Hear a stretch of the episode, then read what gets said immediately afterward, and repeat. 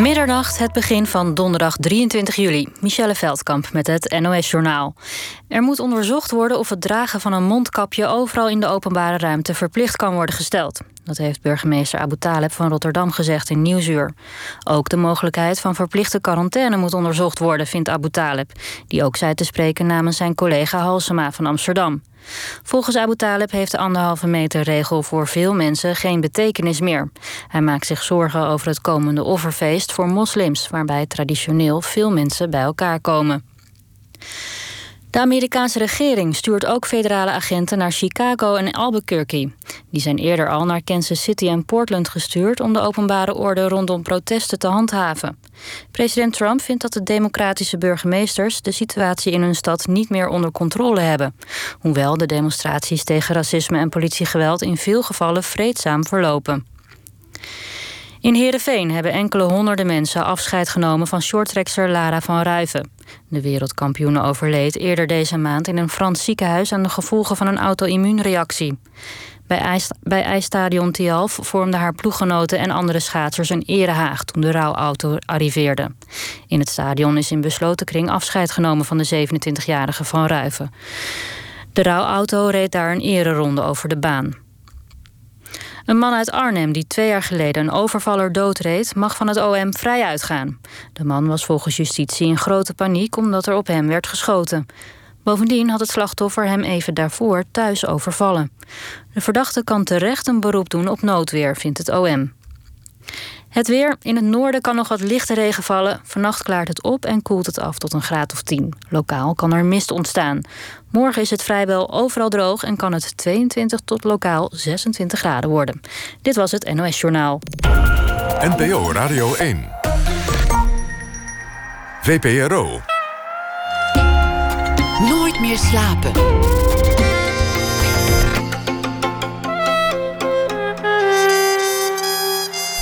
Pieter van der Wielen. Goedenacht en welkom bij Nooit meer slapen. Omkijken. Wat meer kan je doen als sportliefhebber deze zomer? Frank Evenblij is hier. Hij is zeker een sportliefhebber.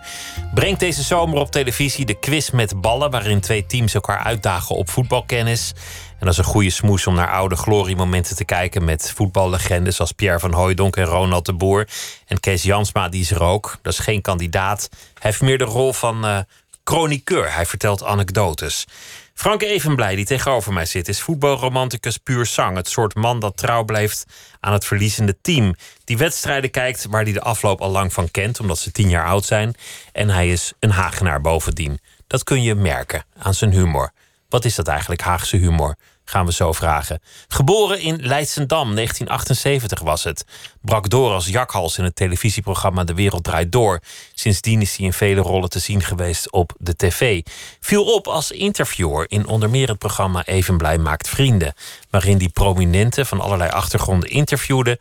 En dat deed hij met een combinatie van humor, scherpte en oprechte interesse.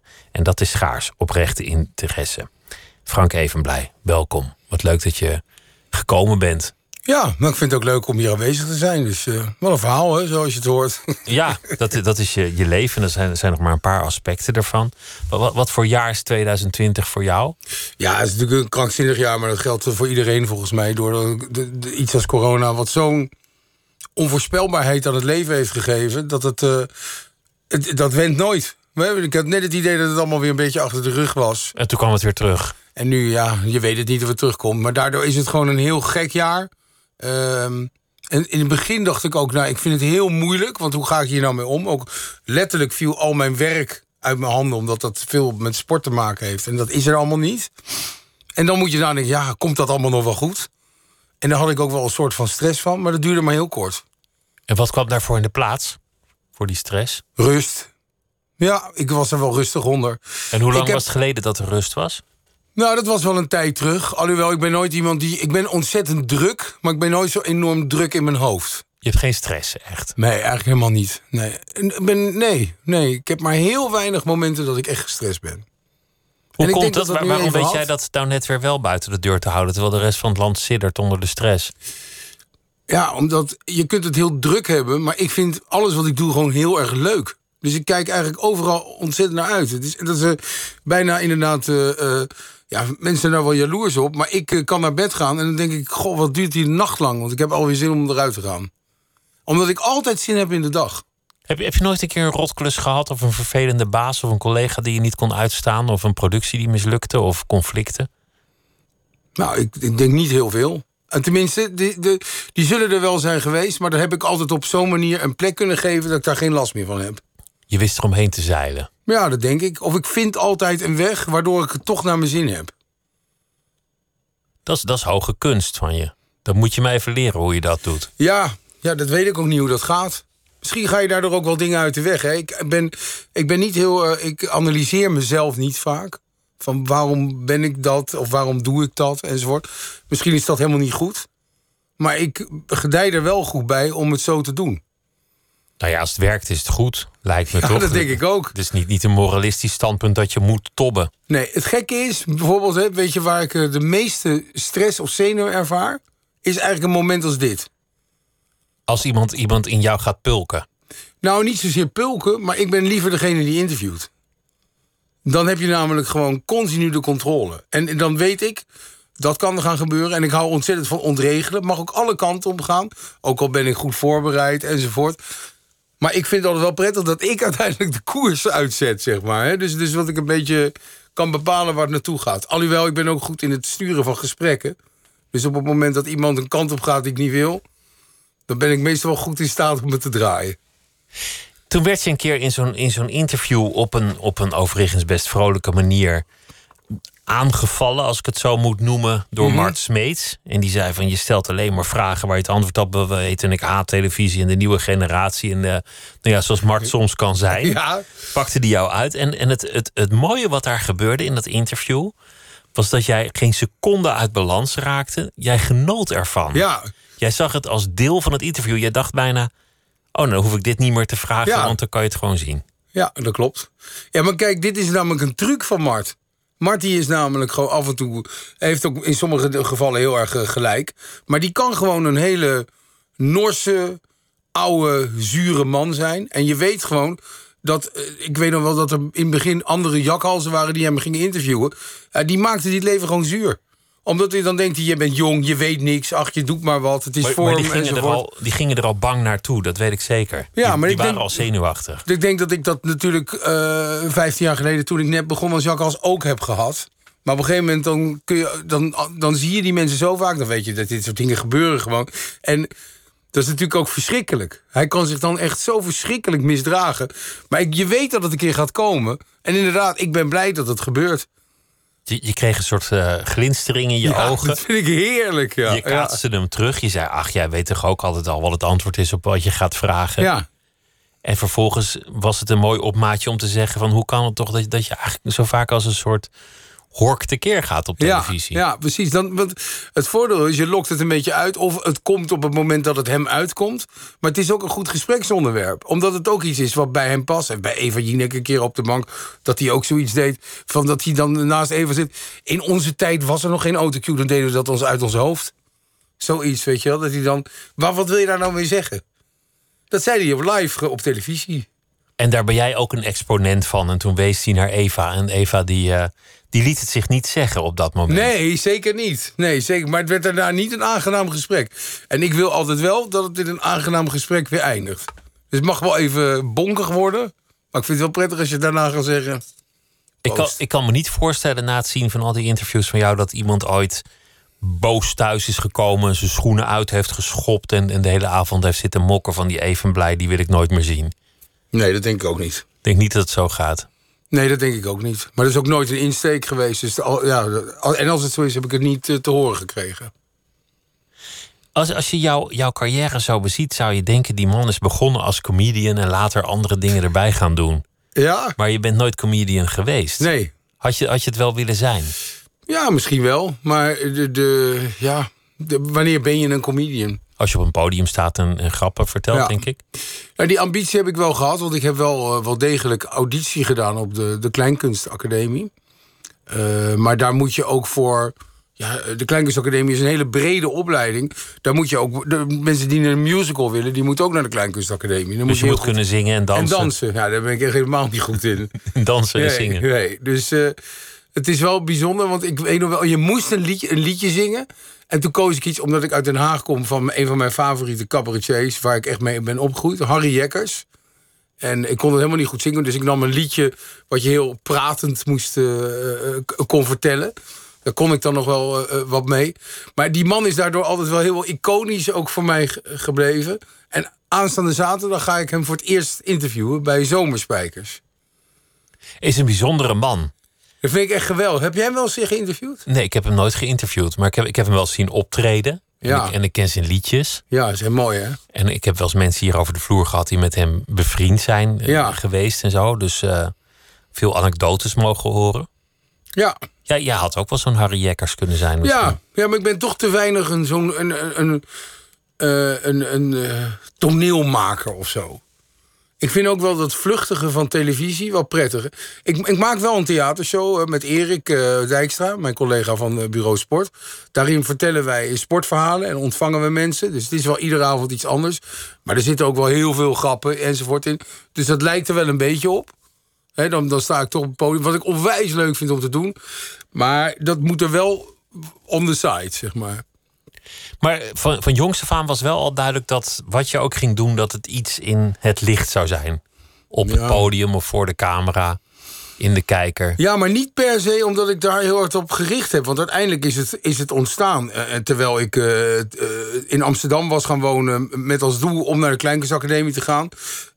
of niet. Dat, dat maakte me niet uit. Ik wilde sowieso eerst een jaar oriënteren. En vervolgens heb ik via het uitzendbureau kreeg ik een baan achter de, de schermen bij, bij Endemol. Waar ik echt een tal van verschillende programma's heb gemaakt.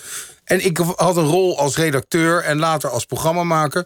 En ik was totaal uh, blij met die rol. Ik dacht, dit is gewoon, dit vind ik heel leuk. Televisie maken en ideeën hebben en eh, gewoon programma's vormgeven, maken. Ja, uh, grappen verzinnen en, en, en, mooie filmpjes maken, ook op muziek enzovoort. En ik wilde dat ook leren hoe je dat moest doen, monteren enzovoort. En ik was gewoon senang met die rol. En uiteindelijk via een vriend van mij die bezig was met de ontwikkeling van De Wereld Draait Door die zeiden van ja, we moeten van die brutale verslaggevers hebben. Je moet Frank bellen. Nou, ik was totaal verbaasd. Ik had geen seconde over nagedacht om dat te gaan doen.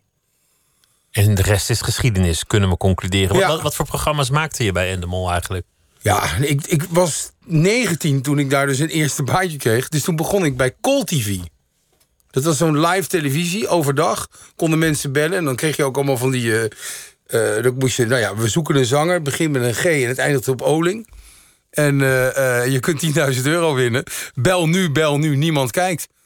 En ik verzon eerst die, die, die opgave. Dan moest je aanwijzingen verzinnen. En ik sprak ook in het oor van die presentator wat ze moesten zeggen. Want die, want die wist ook niet uit zichzelf dat dat dan uh, Gerard Joling zou Ja, maar dus je moet een uur vullen. Dan moet je natuurlijk ook wel gewoon wat verhalen vertellen. En er gebeurde ook nog wel wat in het programma. Want soms zat er ook wel wat inhoud in. Je begon op de basic uh, belspelletjes, zoals dat heet. Het bestaat allemaal niet, want het was allemaal... Uh, door de overheid is het uiteindelijk verboden... omdat er best veel geld werd verdiend. Of vanwege de, de wet op het kansspel. Ja, precies. Dus maar later ging ik, zeg ik nu... Uh, de, meer inhoudelijke programma's maken bij Call TV. Bijvoorbeeld het programma De Nachtsuite. Zeg je dan nog iets? Daar, daar staat me vaag iets van bij. Dat, dat was toch ook iets dat mensen konden, konden verhalen vertellen. Iets met interactie met het publiek. Ja, nou, ook met bellen. Maar het is een, een programma wat echt om, op RTL 5... Dus, uh, om, om half één eh, begon op vrijdag en op zaterdag. Het duurde twee uur. En gepresenteerd door Christine van der Horst. Een hele flamboyante grote vrouw. En daar hing altijd wel een, een, een, sexy randje aan het programma. Dus er werd, ook wel soms erotische dansen uitgevoerd. Maar Pim Fortuyn kwam daar ook om een interview te doen over politiek. En uh, ik kan me ook herinneren dat Herman Brood daar nog is geweest. En die heeft toen live op televisie zijn, zijn schaamhaar zitten knippen op de bank. Dat was allemaal live op televisie. Gadverdamme. Ja, en, maar, en, dan zat er dus ook weer iemand te praten over een zanger... of uh, die, die iets vertelde over zijn carrière. En die belspelletjes. En dat leverde heel veel uh, ja, geld op... waardoor die programma's gemaakt konden worden. En dat, dat maakte op een gegeven moment maakte je daar wel stappen. Maar ik zat de hele tijd in dat oortje, ook van Christine. Dus die interviews voor te bereiden. En, en ja, dat waren gewoon mensen uit de showbiz enzovoort. Maar je moet ergens beginnen. Ik was ook nog hartstikke jong, hè. Dus, uh, ja, maar als, ik, als ik dit zo hoor, denk ik dat Matthijs van Nieuwkerk je leven heeft gered. ja, in die zin wel. Ja, maar dit heeft allemaal maar heel kort geduurd. Want dit, ik ging wel vrij snel van, van die programma's...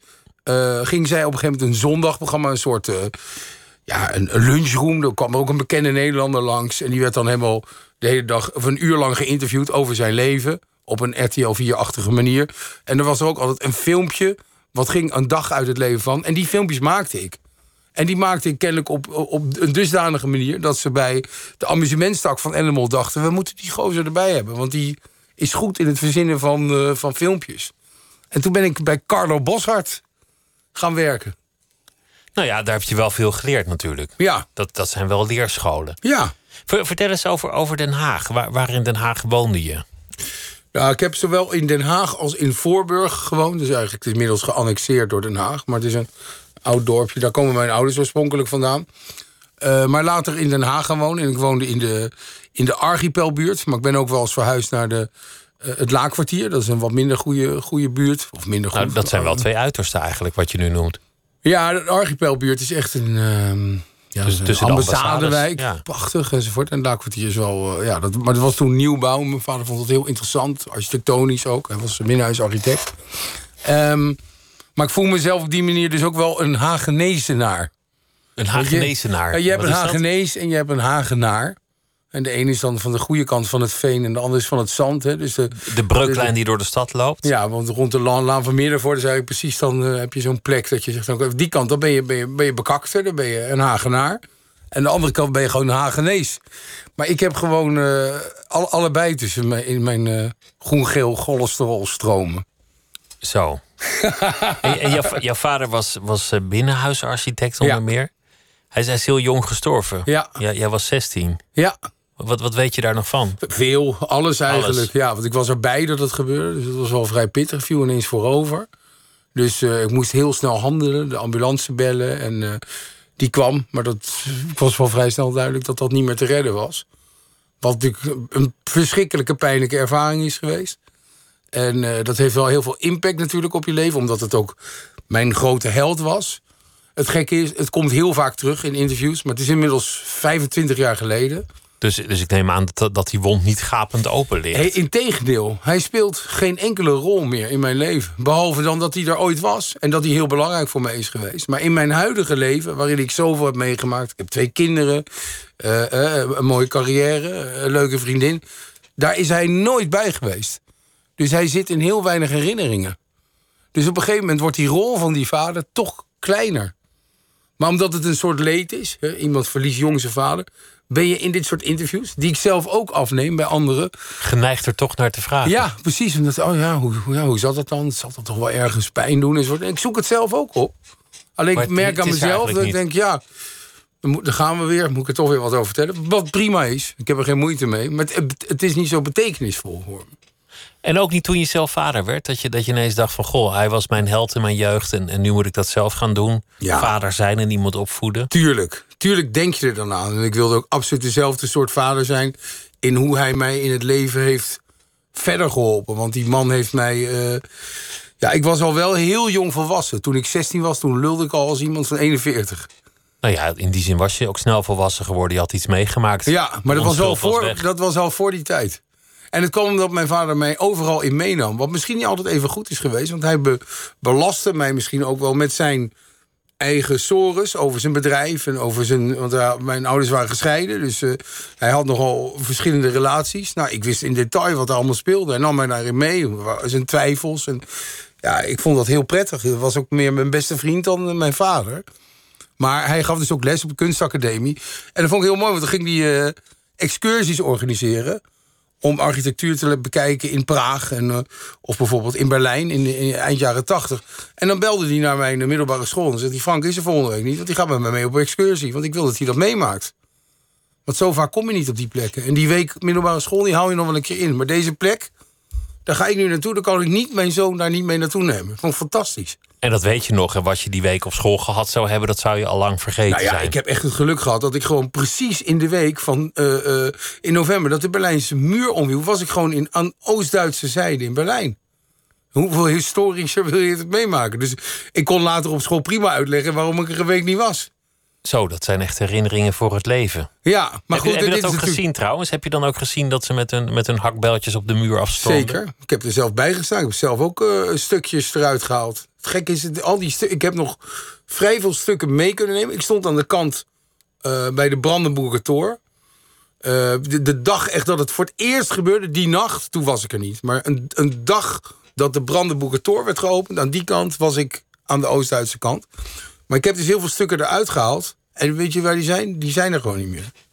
De, die hele muur is nagenoeg verdwenen. Nee, maar die stukjes. Ik nam al die stukjes mee. En vrienden die vroegen ook, mag ik ook een klein stukje van de Berlijnse muur?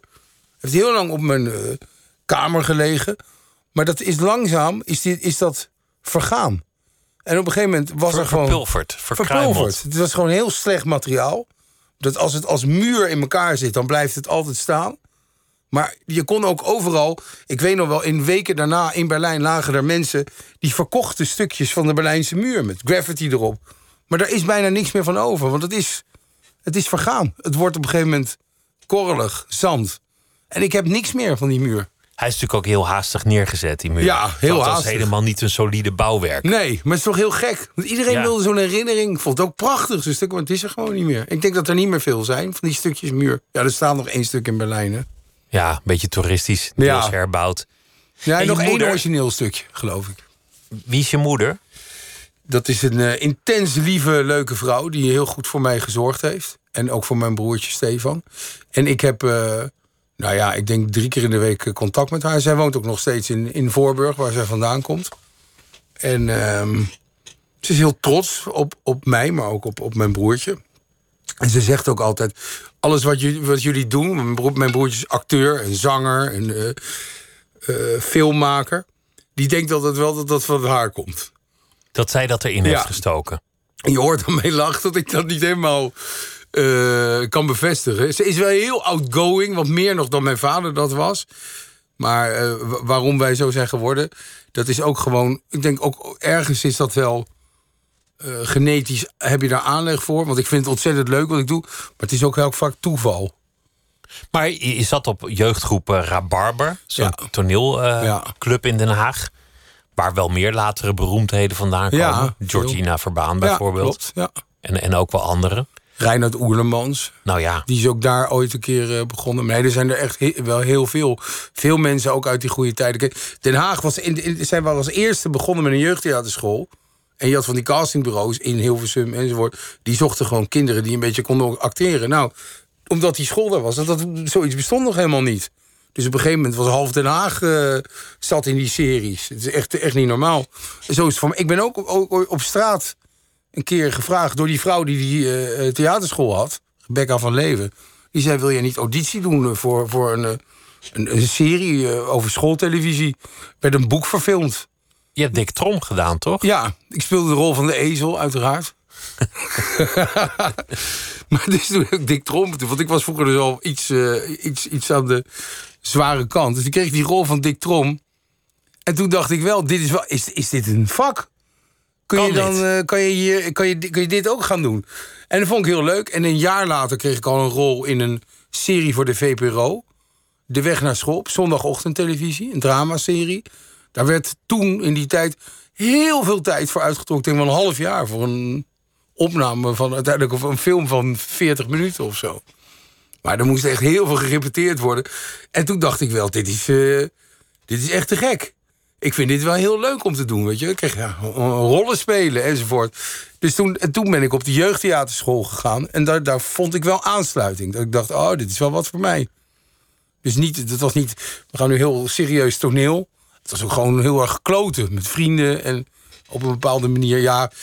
Ik hield wel heel erg van Jiske Vet, Coat en Bie enzovoort. We gingen vooral die sketches dan heel erg naspelen enzovoort. Dat, eh, en toen dan ontdek je in één keer... oh, dit, dit zou misschien wel iets kunnen zijn... waar je iets in de toekomst mee kan. Ik had wel uitgesloten dat ik eh, architect zou worden of zo. Of bij de Belastingdienst zou ja, komen ja dat werken. zat er sowieso niet in. Ben, ben je altijd al een sportliefhebber geweest? Mm, Ja, maar niet van huis uit. Want ik heb zelf niet echt veel gesport. Mijn ouders die stimuleerden dat niet zo. Ik heb gehockeyd, maar dat komt omdat ik op een ontzettend bekakte basisschool zat... waar iedereen hockeyde, en dus ik ook. Hockey of tennis was het dan waarschijnlijk. Maar het was echt hockey. Het was, eh, tennis heb ik trouwens ook wel een tijdje gedaan. Dat vond ik e- echt heel erg leuk. Hockey vond ik eigenlijk niet zo leuk, maar dat was meer omdat iedereen het deed. Dus eh, dan moet dat wel. En hockey, hockey onder, die, onder de jonkies is natuurlijk ook best wel gevaarlijk. Ik bedoel, dat balletje is hard. Ja, Zo'n stok kan gevaarlijk zwiepen. ja het is heel onhandig. Ja. En, en dan die, die kleintjes, die zijn er nog niet zo goed in. Nee, nee maar ja, dat, ik, was, eh, ik heb dat denk ik tot mijn veertiende of zo gedaan. Dus dan ben je al wel wat ouder, maar ik was niet zo goed in hoor. Maar het is ook meer, ik ben uiteindelijk... Ik ben natuurlijk ook raar, omdat ik uit Den Haag kom, Willem II supporter. En dat komt ook een beetje omdat ik gewoon heel veel, net zoals iedereen in de klas, voetbalplaatjes spaarde. En dat begon in 1987. Dus ik was met die plaatjes bezig. En dan vroeg iedereen: eh, Frank, voor wie ben je? Ben je voor Ajax of voor, eh, voor Feyenoord? Voor Ajax of voor Feyenoord? Waarom in godsnaam voor Ajax? We wonen, hier- hier in Den Haag, weet je wel. Maar Den Haag was een club waar je in die tijd, in jaren 80 zo... daar wilde je niet zo mee geassocieerd. Want het was echt die periode dat als Ajax kwam voetballen... dan kwamen er 200 ME-bussen. Want dat was gewoon oorlogsgebied. Dat was echt, echt verschrikkelijk. Dus die, eh, die club was niet populair. Dus al mijn vriendjes waren of voor Ajax of voor Feyenoord. En toen dacht ik, ja, als je nou toch een keuze hebt voor een club... Waar, waar- waarom moet je dan voor Ajax of voor Feyenoord of PSV gaan? En ik had een neef die was voor Willem II. En ik, ik keek naar die voetbalplaatjes en ik vond dat rood-wit-blauw zo mooi... dat ik dacht, nou ja, ik kies voor Willem II. En daar ben je ook altijd trouw aan gebleven. Ja, want het is echt, hè, ik ben echt... eh, al ben ik in Brazilië, dan moet ik nog live de wedstrijd kijken. En ben je dan ook blij als Willem II supporter als, als het zeg maar niet heel slecht gaat? Ja, dan ben ik uitermate gelukkig. Ik kan Dus, tranen dus je, in mijn hoeft, ogen hebben. je hoeft niet per se de beker te winnen of kampioen te worden. Daar, daar gaat het dan even niet om. Nee. Gewoon blij zijn als het, nou ja, Als het- als je- doen ging het aardig. Nou ja, jongens. gelijk spelen tegen de graafschap kan ik nog steeds in mijn handen klappen. Echt waar. In de periode dat zij degradeerden, heb ik al twee keer meegemaakt. eh, in de periode dat ik er heel vaak naartoe ging. eh, ben ik de meeste wedstrijden, ben ik denk ik naar Willem II gegaan. Achter elkaar toen ze in de eerste divisie speelden. Ik, vind, ik vind dat eigenlijk de mooiste vorm van voetbalsupporterschap. Ja, Kijk, als, als je voor een team bent dat altijd wint. ja.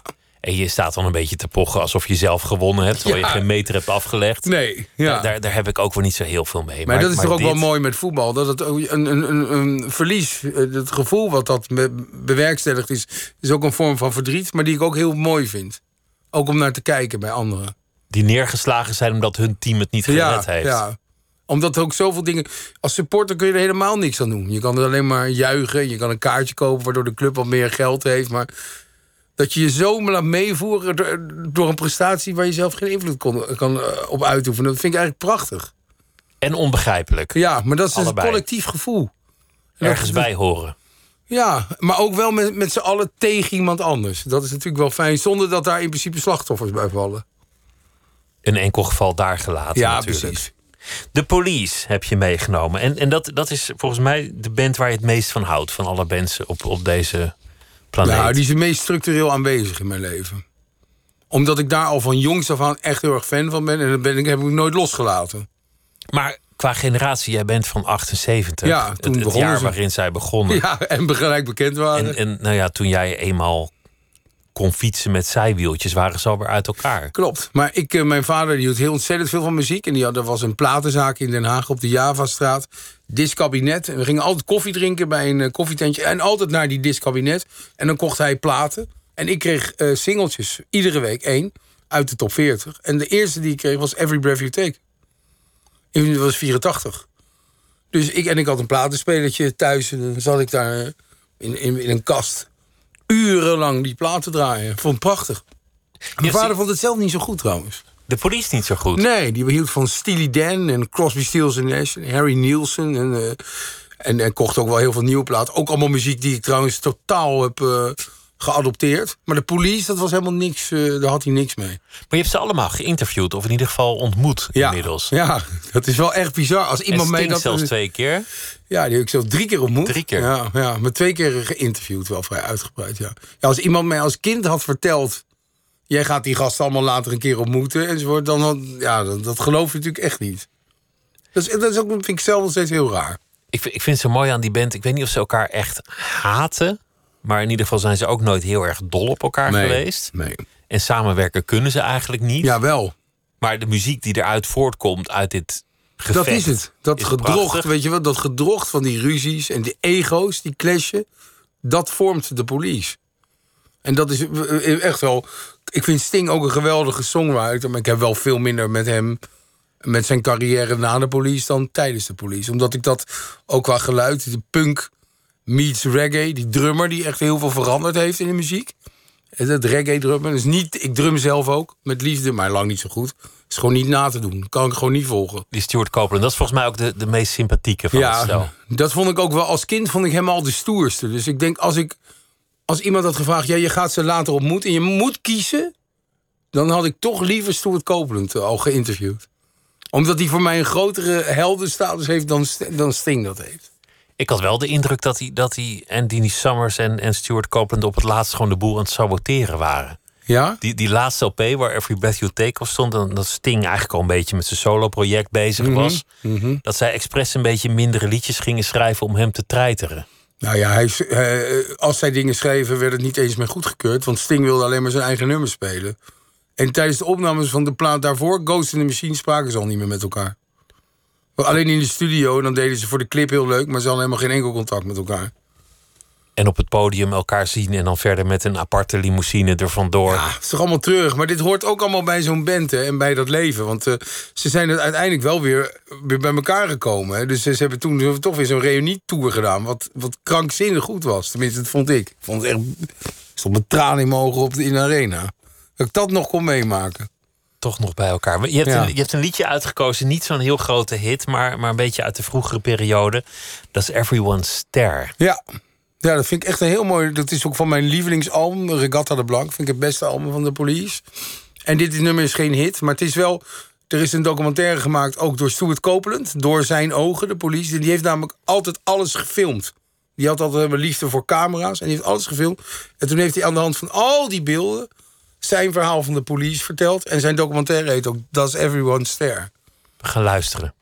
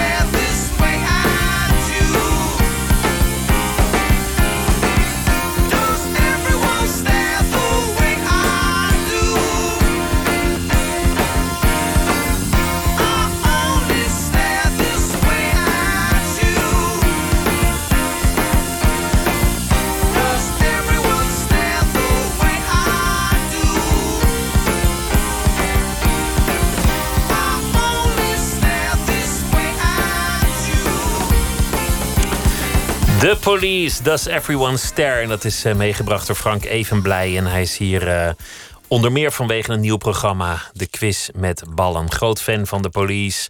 Verzamelaar ook van alles wat met de police te maken heeft. En hij heeft eh, alle bandleden vaak meerdere keren gesproken.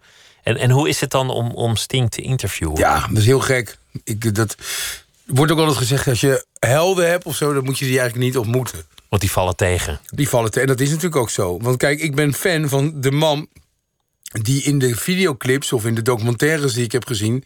in 1983 met een fles whisky en vier sigaretten in zijn hand. een busje instapt van gig naar gig. Die sting wil je graag zien. De jonge man die honger heeft, voor wie Ja. het allemaal nieuw is, die er plezier aan beleeft. Ja, en deze man is, eh, is, is 70. Hè? Of Zou je niet zeggen, want hij ziet er geweldig goed ja, uit. Hij moet het ook nog worden volgens mij. Maar hij ziet er geweldig goed uit. Maar dat komt ook omdat hij, eh, ja, omdat hij zoveel tantra-seks eh, bedrijft met, eh, met zijn vrouw. En, eh, Elke ja, dag 16 uur yoga doet en zo. Ja, dat soort dingen. Want het is ook, hij, is dus, heeft een wijngaard in Toscane, daar woont hij ook. Wat op zich een heel een mooie en een prachtige wijn, biologisch, dynamisch verantwoord verbouwd. En hij heeft echt een, een, een bestaande wijn overgenomen, maar die de naam Message in een bottle gegeven. Maar ik vroeg me dan wel af in het interview: ja, drink jij dan ook die wijn, weet je wel? Want. En toen zei hij: ja, ja, ja, ja, ja, iedere dag, iedere dag één glaasje. Maar toen zei ik, maar wanneer ben je dan voor het laatst dronken geweest? Oh, zegt hij, nou, dat is... ah, dat moet wel 43 jaar geleden zijn. Nou, dat kan ik me gewoon niet voorstellen. Dat is toch ook niet leuk? De Sting is gewoon zo'n grote rock'n'roll held... en die is dan 43 jaar geleden voor het laatst... oh nee, dat weet ik nog, toen moest ik heel erg overgeven. En... Maar hij heeft een keer in een interview gezegd dat hij zich realiseerde, vrij vroeg in de carrière, als ik deze loopbaan lang wil rekken, moet ik Ja. heel radicaal keuzes gaan maken. Ja, nee, dat, dat, dat is natuurlijk ook waar. Maar er is een verschil tussen zo radicaal zijn... en dat je nu doet, zo'n beetje bescheten daarover doet... alsof je idioot bent als je in één keer drie glazen wijn drinkt. Iedere dag één glaasje. Een beetje discipline is leuk, maar mensen die het overdrijven, dat is Ja, ook dat een ik beetje gewoon, eh, saai, hè? Saaiig, dat is het Ja, dat gewoon. is en wel een beetje zo, En je ja. wil, ik wilde die, die coole sting, zeg maar, het liefst ontmoeten.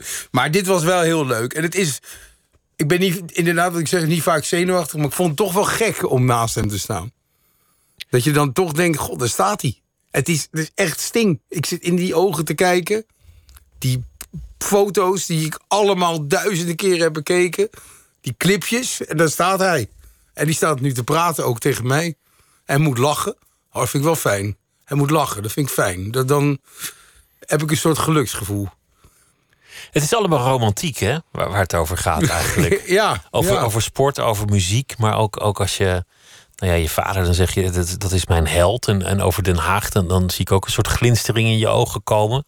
Mhm. In, in een ander leven was je naast comedian smartlapzanger geworden, waarschijnlijk. Ja. Want, want het sentiment, dat, dat, dat zoek je actief op. Daar- Ja. Daar deins je niet voor terug. ja, maar het is meer omdat jij dat nu zo benoemt... dan dat ik dat daadwerkelijk mee bezig ben dat ik dat opzoek. Want je doet niet aan zelfanalyse, dus je doet nee. dat gewoon. Nee, nu jij het zegt, dan zeg ik, ja, dat klopt inderdaad wel. Ja. Maar dat is gewoon omdat ik dat heel leuk vind. En, eh, maar ja, ja, ja hoe, ver niet. gaat dat? Hoe ver, hoe ver rij jij om voor iets toevoegen aan je voetbalplaatjesverzameling? Of, dat of valt je, allemaal wel mee. Of, Nee, want ik verzamel niet echt heel veel dingen.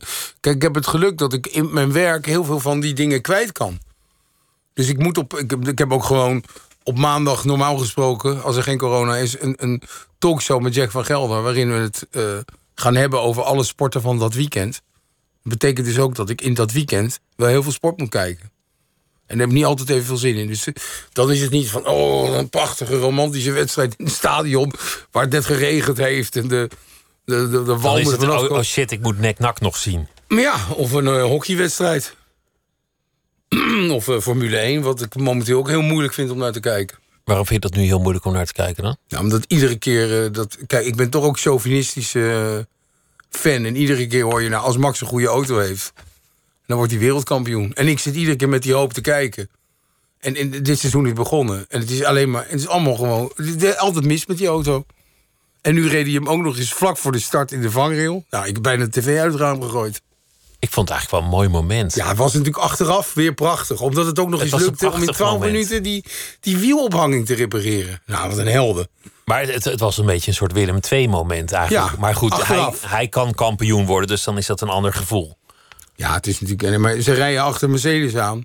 En dat is nu al die hele tijd eh, het geval. En ik vind dat wel moeilijk dat er dan op die manier dus geen competitie is tussen de beste coureurs. Maar alleen maar wie heeft de beste auto.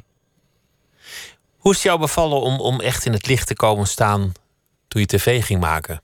Dat mensen ineens meningen over je hebben, je na gaan wijzen op straat. Ja, Dat, dat mensen je vragen gaan stellen. ja ik vond het. eh, over het algemeen, als mensen dat doen, is het wel leuk.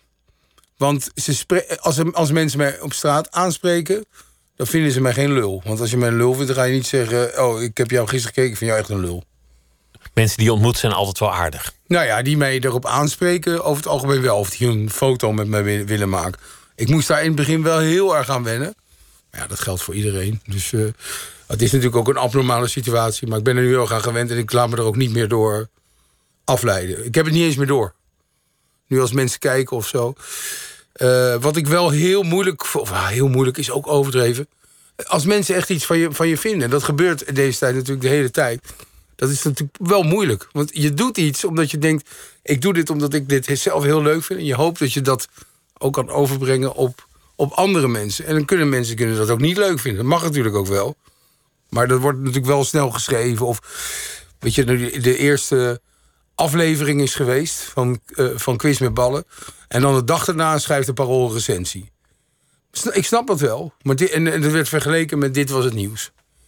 En dan zeggen ja, het is een slap aftreksel van, de, van Dit Was Het Nieuws. Ik denk, oké, je hebt de aller, allereerste aflevering van een programma gezien. Net, de eerste opname. Dat ga je afzetten tegen een programma. Een format wat al 30 jaar de kans ongeveer heeft gehad om zich te bewijzen in Engeland. En daarna met cabaretiers het opgebouwd. Dan vind ik dat gewoon... Ja, ik vind dat wel pittig dat je dat bedenkt. Van ik ga dat gewoon in de eerste aflevering al eventjes neerzetten. Slap aftreksel van eh, dit was het nieuws. Oh, dus, dus dat raakt je dan ook echt? Als Nou, ik vind het gewoon. Ik denk, waarom. Ik, ik zit zelf gewoon niet zo in elkaar. Dat ik denk. Oh, ik vind dat. Dan moet ik me dat gelijk zo laten weten. Dat moet. Dat moet natuurlijk in je rol. Je bent recensent of je moet dingen schrijven. Maar ik denk altijd. Nou, ik zou het zo altijd. Als recensent zou ik altijd even afwachten. Naar de tweede. Weet je, om nou de eerste. Dus in die zin raakt me dat. Maar vooral omdat ik denk, waarom? eh, zou je dat nou op die manier zo willen schrijven? Dat, ik snap dat gewoon niet zo goed. Maar volgens mij is er iets in aan het sluipen in stukjes schrijvend Nederland. Dat Mhm. je ook daar moet scoren. En als je zegt, nou ja, laten we een, een voorbeeld uit een veilig ander vakgebied nemen. Ik was gisteren naar de opera en het was mooi. De ansenering had wel wat lichter gekund, maar verder Ja. vond ik het prachtig. Dan scoor je niet. Nee, dat klopt. Als je zegt, ik ging naar die opera. Nou jongens, het was niet om aan te horen. Ja. Het was echt totaal bout. Of je zegt, dit was een meesterwerk en dit wordt geschiedenis. Ja, dat In leest. die beide gevallen zegt de hoofdredacteur... fijn, dat stukje van jou is goed Ah, gelezen. ik snap ook wel hoe het werkt. Maar en zo is dat, televisie ook een beetje sportverslaggeving geworden. Die wint van die en, eh, ja, en die is helemaal, helemaal voorbij. ja, maar dat vind ik dus in mijn vorm als maker zelf... zou ik daar niet aan willen toegeven. Als iemand nu tegen mij zou zeggen... dat interviewprogramma wat jij doet is goed... maar je zou er toch even wat, wat eh, direct en kritischer moeten zijn. Dat was wel eens tegen je gezegd trouwens. Ja, dat stond wel ook, ook ooit in een recensie van de Volkskrant. Van ja, hij, hij doet rebels, maar ondertussen is het gewoon een, eh, een dikke ivonie. Wat ik overigens een goede vergelijking vind. Maar omdat. Nou, dat vind ik helemaal geen goede vergelijking trouwens. Het is Nee, vind maar ik toch vind een het wel ander, begrijpelijk. stijl. Ik vind het wel begrijpelijk. Maar het is nou, kijk, er zit namelijk wel iets in mij dat ik graag eh, iemand wil pleasen. Maar, maar, maar dat, dat stond er ook in, in die recensie als een soort verwijt. Terwijl, is het erg als, als je dat wil? Hangt er vanaf wat je wil. Als je een politicus interviewt over, over zijn nieuwe plan... mag je best wel Ja, maar die rol heb ik snijden. niet. Maar die dat, rol dat heb zijn, ik niet. zijn niet de interviews die jij doet. Nee, nee, ik maak toch portretten. Maar kennelijk is dat dan toch reden voor mensen om daar iets van te zeggen. Van ja, hij is een pleaser. Maar die kritiek raakt je wel nog steeds. Je bent, Ja. je bent daar niet immuun voor geworden. nee, het helemaal. Nou, het is niet zo dat ik er echt wakker van lig. Maar ik vind het vaak zo.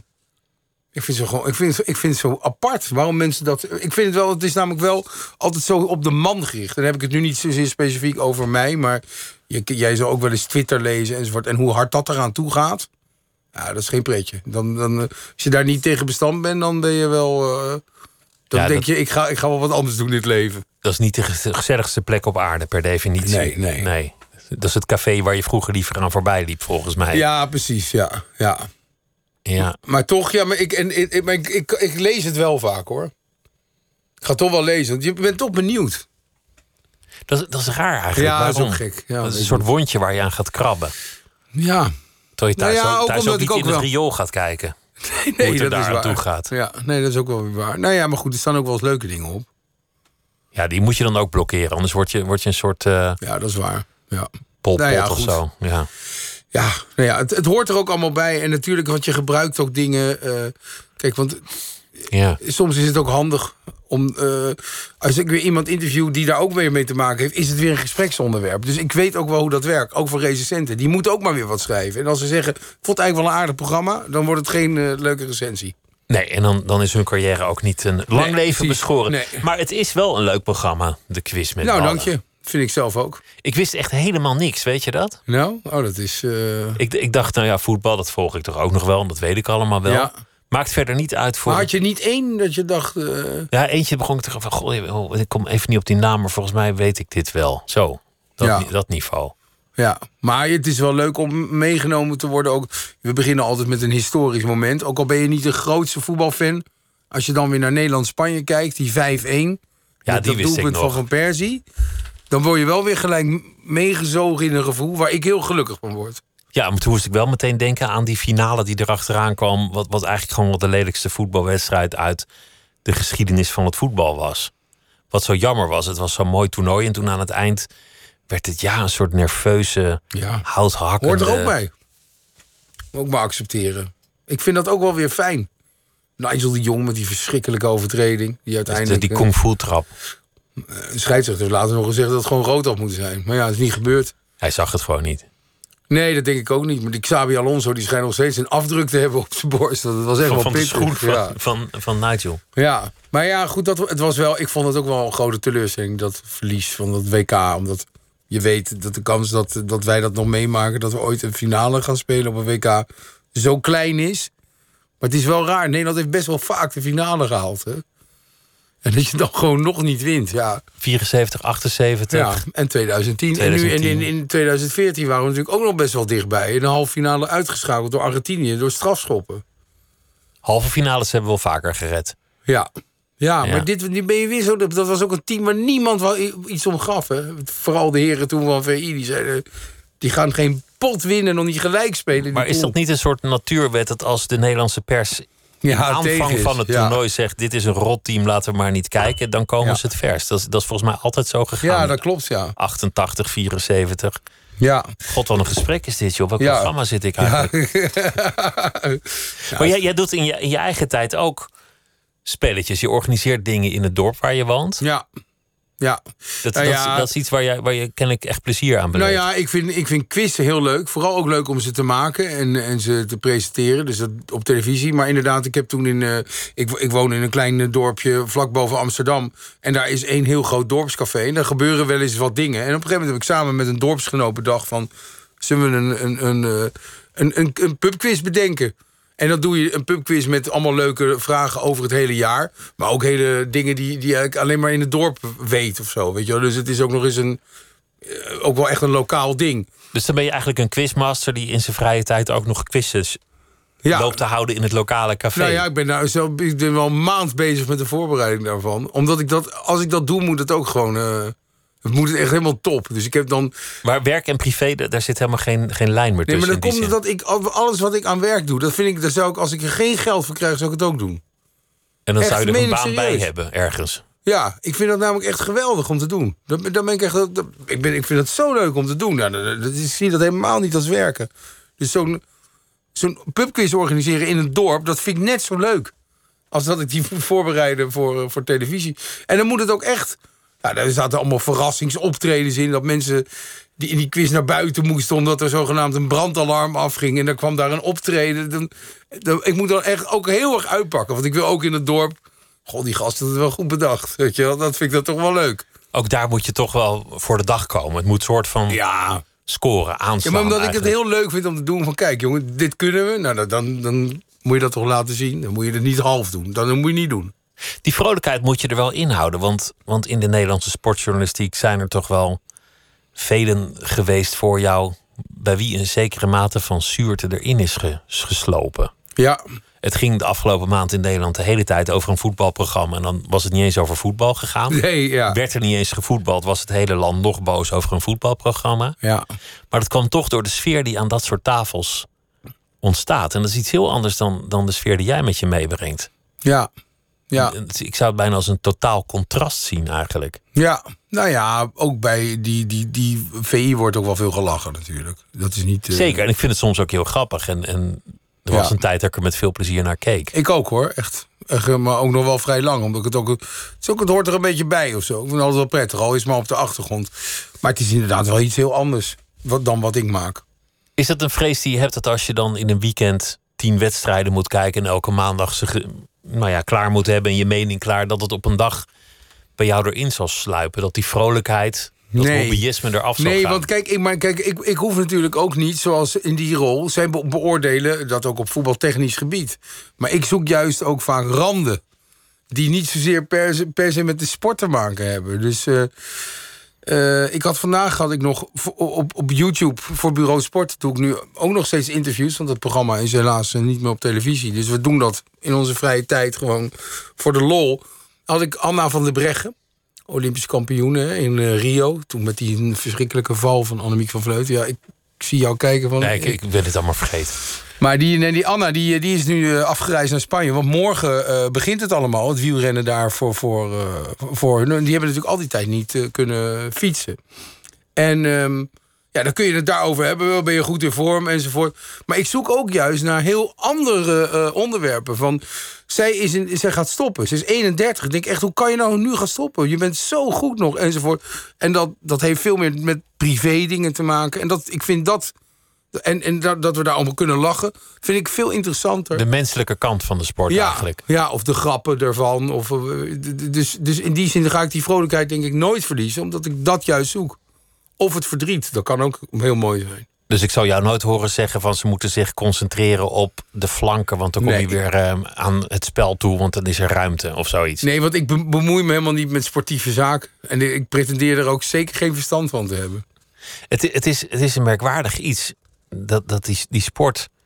Je bent dan in je jonge leven volledig geobsedeerd door één ding.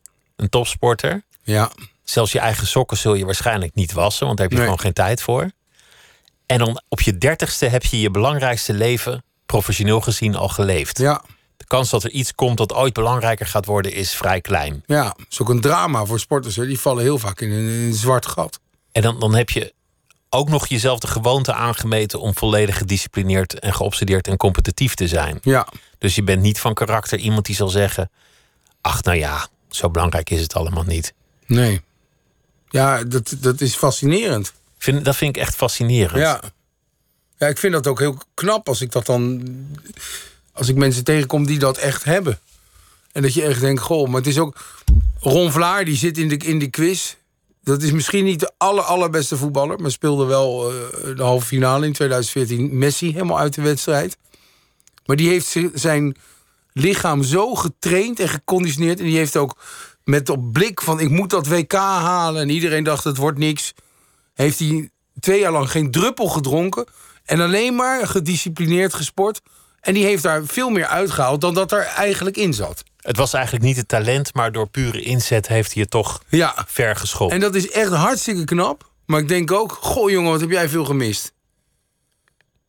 Gewoon in een keer wel dronken worden of in een, Ja, want dat hoort er namelijk ook allemaal bij. Hè? een Dat je zinloze gewoon, liefde of wat dan ook. Ja, precies, weet je wel. Want je, je komt dan ook niet denk, ja, eh, weet je wel, je, je- vaak hebben ze dan een jeugdliefde enzovoort. Want daarna, in, in- dan gebeurt er wel vaak wat in, in het leven van een, eh, een sporter die stopt. Ook omdat je denkt, god, wat was er eigenlijk allemaal veel. En ik vind ook voetballers na hun carrière vaak veel leuker om ze te interviewen. Dan gaan ze ook hun sportcarrière relativeren. Maar dan komt er ineens wat, ja, er komt meer leven in of zo.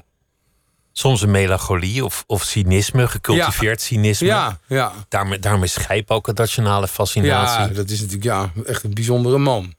Ja. dat vind ik wel. Ja. Maar er zit ook wel competitie in jou. Ondanks dat je, dat je alles doet wat je leuk vindt en het een hobby is, Mhm. is er ergens ook wel nou ja, de wens om, om het heel goed te laten zijn. ja. Om te winnen. Kritiek vind je ook niet leuk. Nee. Niemand vindt kritiek leuk, maar bij jou is dan toch van ja, shit. ik wil de beste zijn. Nee, ik wil jij. gewoon wel alles met alles wat je doet. Vind, ik wel dat je ontzettend je best moet doen om er daar het beste van te maken. En wanneer is het gelukt? Wan- Wanneer denk je, nou nu, nu ben ik geslaagd? Ja, als ik met een gelukkig gevoel naar huis rijd, dat ik denk, nou, het Dit was er goed. goed uit. De ander heeft een eh, plezierige dag gehad, heeft een paar keer kunnen lachen. Ehm, dat is belangrijk. Ik vind echt dat als je iemand kan laten lachen, dan eh, breng je ook iemand plezier of zo. En dan is ook iets wel goed gelukt, vind ik. Dus het gaat wel ook over de lichte kant van het leven. Ja, zeker. Maar je de kunt vrolijke ook, kant. ook die zware kant heel goed relativeren door humor. En bespreekbaar maken. Door er heel veel grappen over te maken. Dus dat, maar humor is wel een manier om dat allemaal goed... eh, ja, om, om dat op die manier eh daar naar te kijken. Snap je wat ik bedoel? Ja, ik snap heel goed wat je bedoelt. Dus het is niet zo dat je alleen maar een betere wereld bekijkt met zwart-wit documentaires met stemmige cello-muziek eronder. Nee, nee. Dat, dat is een misvatting die vaak terugkomt. Nee, maar het is meer dat je zegt, ja, toch de lichtheid. En dat klopt, maar het betekent niet dat het oppervlakkig hoeft te zijn of minder zwaar. Maar het is wel dat die humorkant voor mij heel belangrijk is, ook om al dat soort dingen op die manier. Ja, ik haat het om het zo te, aan te vliegen, maar die term vind ik niet prettig om. eh, Nee, dat is brainstormtaal. ja, precies. Dan- Dat is alsof je op dinsdagochtend bij, de- bij de VARA zit van ik heb een leuk Ik idee. wil het even op een andere manier aanvliegen. Ja, flikker toch op. Kan ik dat aan jou terugkoppelen en eh, zal ik dat dan tegen jou, tegen jou aanhangen? even iets, ik wil even iets tegen je aanhangen. Dat vind ik de allerergste. Ja, dat klinkt zo smerig. Ik vind, ik vind Kees Jansma in zijn nieuwe rol Ja, een, een uitvinding. ja ik ook. Het is echt heel leuk. Want, want het is natuurlijk een man die al heel lang meeloopt in de voetballerij. Hij heeft een- onduidelijk profiel in dit programma. Hij is nog kandidaat, nog presentator, nog sidekick. Ja, Nog deskundige, nog jurylid. ja. Nou, hij zit jurylid. gewoon nu, nou ja, misschien. Maar hij zit op de eerste rij en Ja. hij laat zich anekdotes ontvallen. Soms met zichtbare tegenzin, maar dan komt hij toch. Ja, Want dan wil hij het eigenlijk niet vertellen, want dat vindt hij dan niet discreet of zoiets. ja. Maar die man was overal bij. Ja, die is vanaf, eh, echt vanaf 1966, eh, toen had hij ze, heeft hij alle EK's en WK's natuurlijk op de voet gevolgd. Maar hij is er inderdaad ook al van jongs af aan echt bij geweest als eh, journalist. En later als persvoorlichter van het Nederlands elftal. En toen mocht hij nooit zoveel zeggen, maar nu. Nee, hij is nu een open boek. Hij, Ja. hij- er gaan echt wel dingen ook nog wel gezegd worden dat je denkt, zo, weet je wel, wat, weet je, dat, dat best wel grappig om, om, om te horen over wat hij van vindt. Of wie hij de beste bondscoach nou uiteindelijk vond. En eh, hij is zich wel uitgesproken, maar hij is vooral, dat is mij heel erg opgevallen, bijzonder grappig. Hij is continu, komt hij met, eh, Lekker droge humor. ja, met, met, zo met één zin, weet je wel. eh, Zo van die one-liners. Het zit er echt in.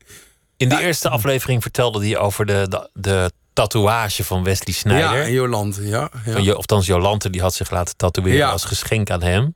ja. En dat- dat was alvast een heel komische anekdote, Ja. hoe hij dat vertelde. Maar vooral door zijn droogheid. De ja. anekdote zelf, nou ja, wow, die ging wel. Nou ja, het is meer een opvallend verhaal, omdat Jolante die bezocht eh, dat trainingskamp. En dat is eigenlijk is dat al not done. Hè? Die voetballerij, die vrouwen moeten daar mogen helemaal niet in die hotels komen. Die, en vervolgens die, die komt Jolante. kilometers afstand blijven, vinden ze. Ja, dat moet, je bent als groep ben je gewoon bij elkaar. Daar horen geen vrouwen bij. Dat verandert wel een beetje, maar dat is wel iets wat, wat not done was. En toen kwam Jolante en die trok Wesley gelijk mee het toilet op. Ja, toen kreeg je natuurlijk wel schuine ogen. Ja, toen had ze gezegd, ik moet hem een cadeau aanbieden. Ja, toen dacht iedereen, "Eh, natuurlijk hè. Maar ja, toen bleek het die tatoeage te zijn. En toen zei de bondscoach, gelukkig ben je maar één keer per jaar jarig. Ja, ja. Wat ik wel een ludieke... Ja, maar dat is wel een typisch verhaal. Reactie Je vraagt je af of hij dat echt zo bedoeld heeft... of dat hij dat gewoon echt zo meende... maar pakt dan ineens heel goed uit als Van Gaal dat zo zegt. Nou, weet je, we komen de zomer wel door met eh, fragmenten, anekdotes, eh, punten en eh, de quiz met ballen. Frank Evenblij, dank je wel dat je langs wilde komen. Ik wens je ontzettend veel plezier en succes. En het was me genoeg om je te spreken hier. Dankjewel, ik vond het gezellig. En zometeen op NPO Radio 1, dan zit hier eh, Misha Blok met het eh, programma Miss Podcast. En Nooit meer slapen is er morgen weer. En dan zit hier Lotje IJzermans. Goeienacht.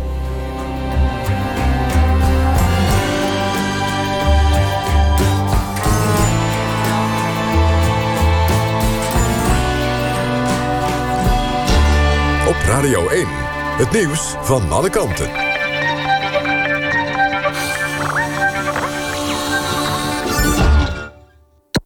NPO Radio 1.